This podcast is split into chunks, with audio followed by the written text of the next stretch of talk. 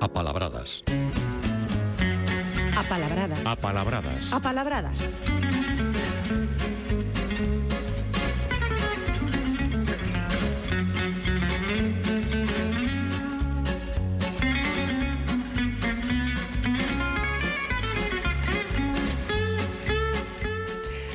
hábito de cada sábado é saudar a Paulino Novo na colaboración no Tempo das Apalabradas. Bos días, Paulino. Bos días, eh, está ben o hábito, sí.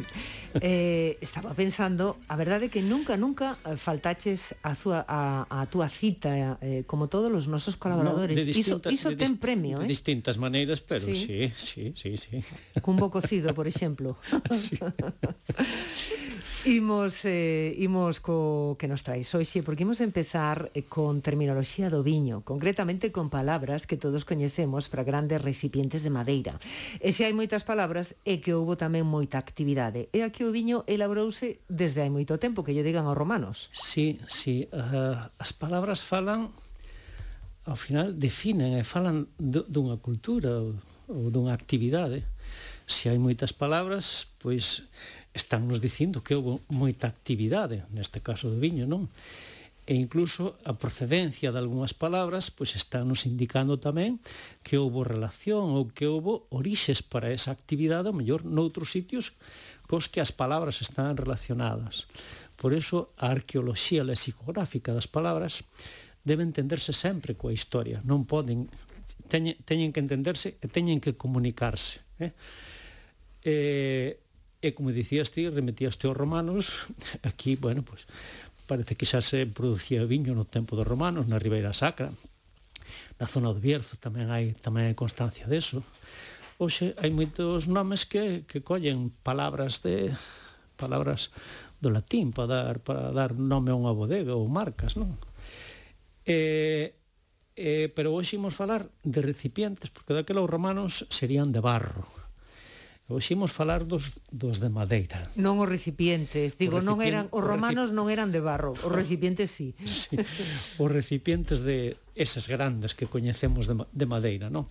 Que temos varios nomes e van nos vir moitos de, do francés. Por eso, bueno, pois eso é unha información. Se as palabras teñen orixe francesa para denominar eses recipientes grandes, pois é que é que houve relación ou viñeron algo de ali. E efectivamente coincido con moitas palabras que trouxeron de Francia, eh, que trouxo Cister, arredor do Cister, dos mosteiros do Cister, creouse toda unha cultura do viño e trouxeronse moitas variedades, non? E con todo eso, con esa cultura eh, esa emerxencia da, da actividade, pois viñeron tamén palabras, non? Ímonos repasar, coñecémolas todas, eh? eh Bocoi. Bocoi ven dunha palabra francesa derivada de, de buc, que é macho da cabra. E por metonimia de chegou a ter o significado odre, un odre que estaba feito co pelexo da cabra. E dai, bueno, o que dá a entender é que originariamente daba nome non, non a un bocoi tal como coñecemos hoxe, senón a un recipiente de pelexo no que se transportaba o, o viño. Concretamente esta palabra dice que a forma que teria que ter sería boco. De feito, o bocoi seguramente se explica desde unha palabra en plural, bocois, bocois, non? eh, e de feito un portugués hai a palabra boco eh, para denominar un odre. E esta palabra, como as que, vamos, que imos ver a continuación, tamén designan ou se ou serven para comparar cunha persoa gorda. Estás como un bocoi.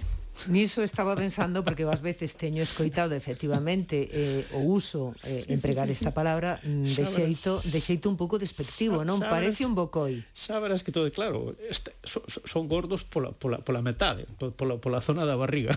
Entón, a comparación está servida en bandexa. Outra palabra, barril.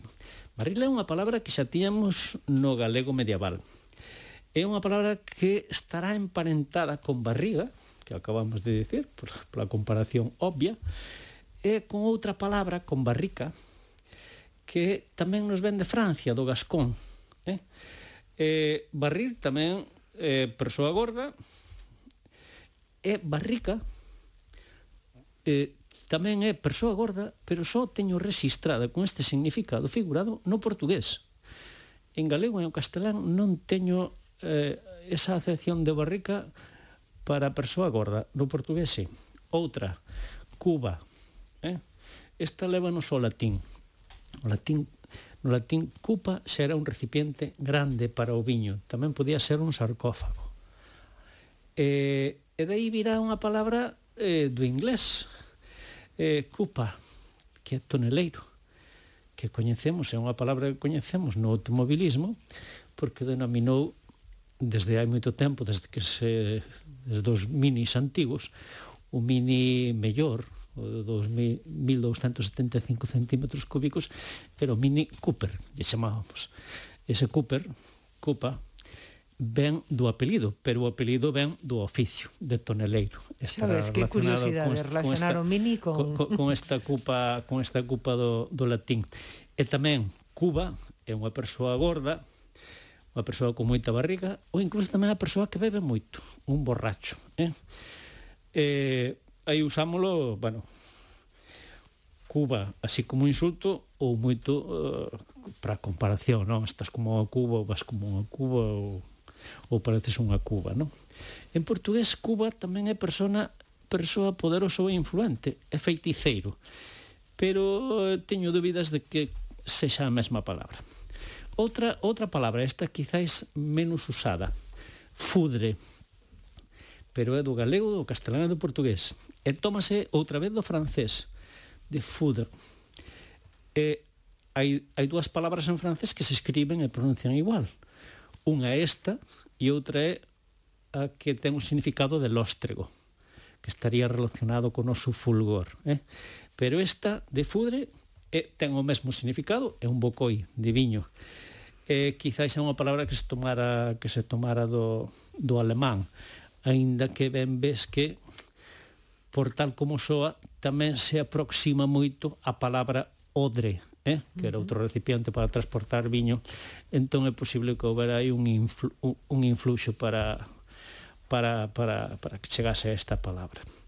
E tamén fudre é unha persoa gorda, tamén se usa como, como, como comparación. Eh? Eh, incluso no castelán hai fudre e eh, eh, fotre, tamén para gordo.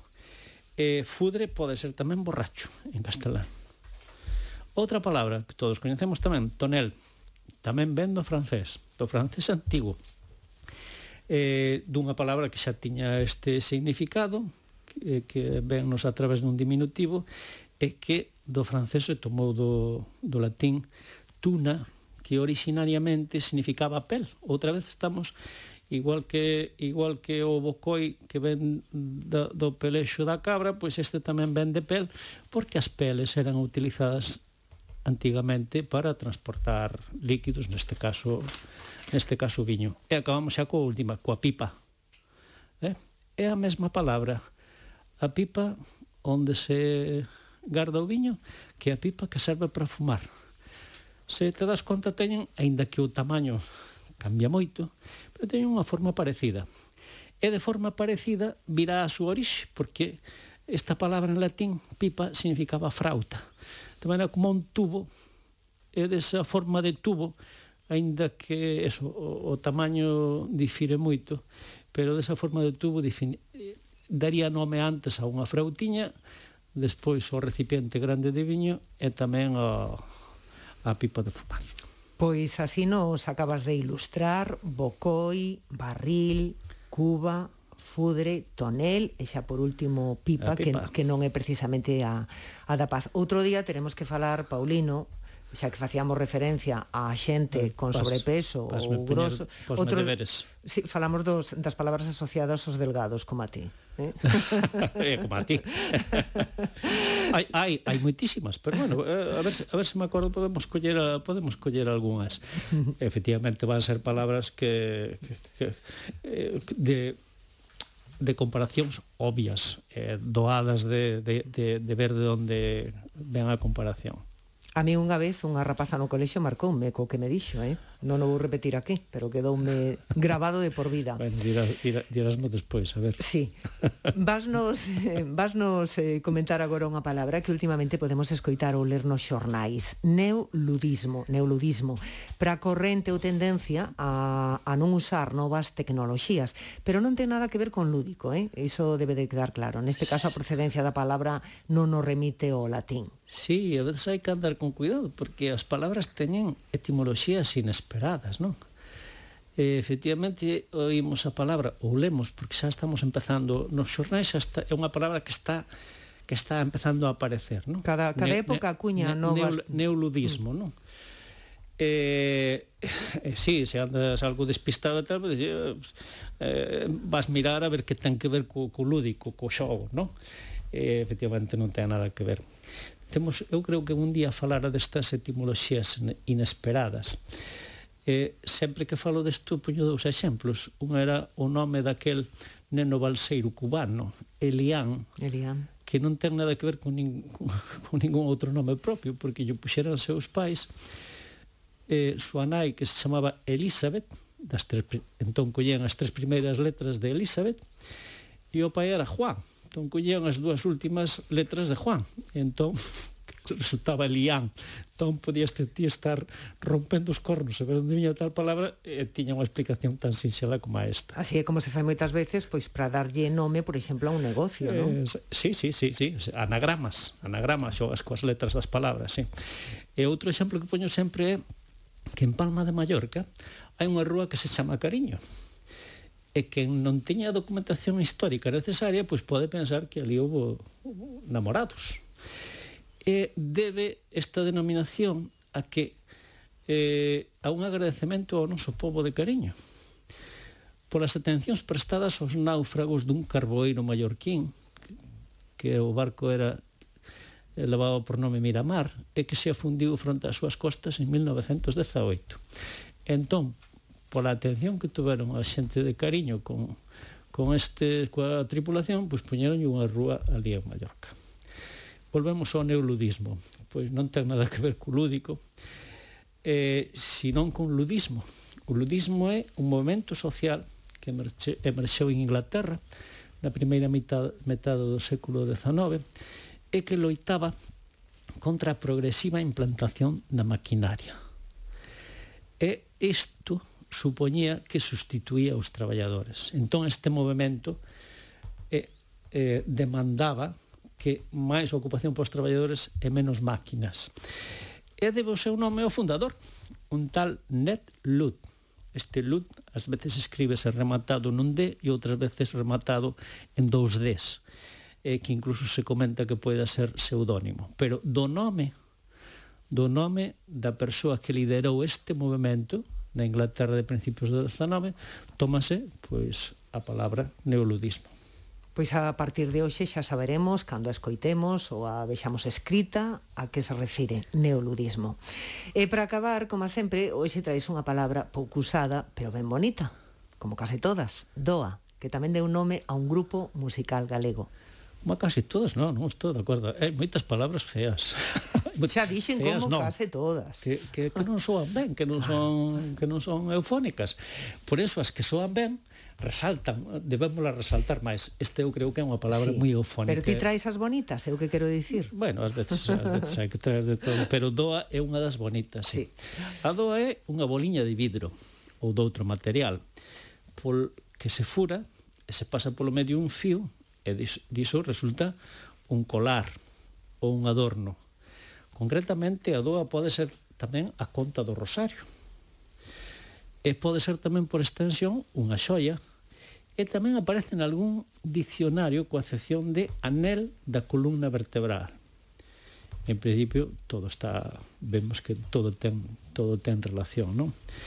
E, e doa foi tamén nome dun grupo musical galego de, da Coruña de finais dos, dos 70. De moito Tamén, éxito que tanto que bonita, tanto escoitamos sí. eh, na Radio Galega no sí, seu momento. Sí, sí, sí. E é unha palabra exclusiva do galego. Sabes que sí que temos predilección, nos gusta dicir cando a palabra son do galego, gusta nolo dicir, porque eso é patrimonio que debemos ter como noso. Non é nin mellor, peor que o, que o doutros, pero é noso. E, máis, sendo palabra bonita, pois debemos ter máis máis cariño estas palabras. E seguramente é unha palabra que ven de, de dona, do latín dona, regalo, un presente. Será plural de donum, que tiña o mesmo significado, eh, que ten a súa procedencia no verbo no verbo dar, no verbo dar en latín. Incluso Elixio Rivas, que é un lexicógrafo importante de noso do galego, di que pode ter influxo de dolar e que labrar ou pulir pero bueno, en principio a orixe estaría en, en dar, en, re, en regalar eh?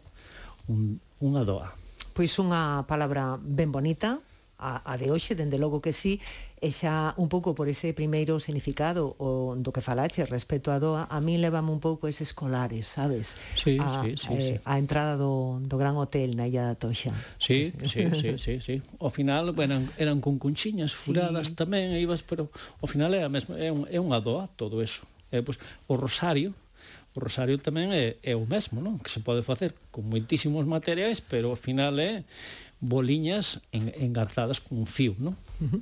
E volvendo ao inicio, despedímonos xa por aquelo das palabras relacionadas co viño, a viticultura, penso que tes unha boa adega, eh? non... Eh, bueno, levamos xa tempo falando falando de Por iso de digo, é, é un unha tema... adega de palabras, eh, que ninguén entendaba. Unha adega de palabras, sí, sí, sí. Paul... Sí, pero son palabras bonitas, eh, bueno, eh, eu, ao final agora é algo que podemos presumir en Galicia tamén de que temos bons viños e ao final eso leva a que haxa moitas palabras relacionadas históricas e actuais. E eh, vos colaboradores como Paulino Novo, un placer terte aquí como cada sábado. Feliz fin de semana. Igualmente.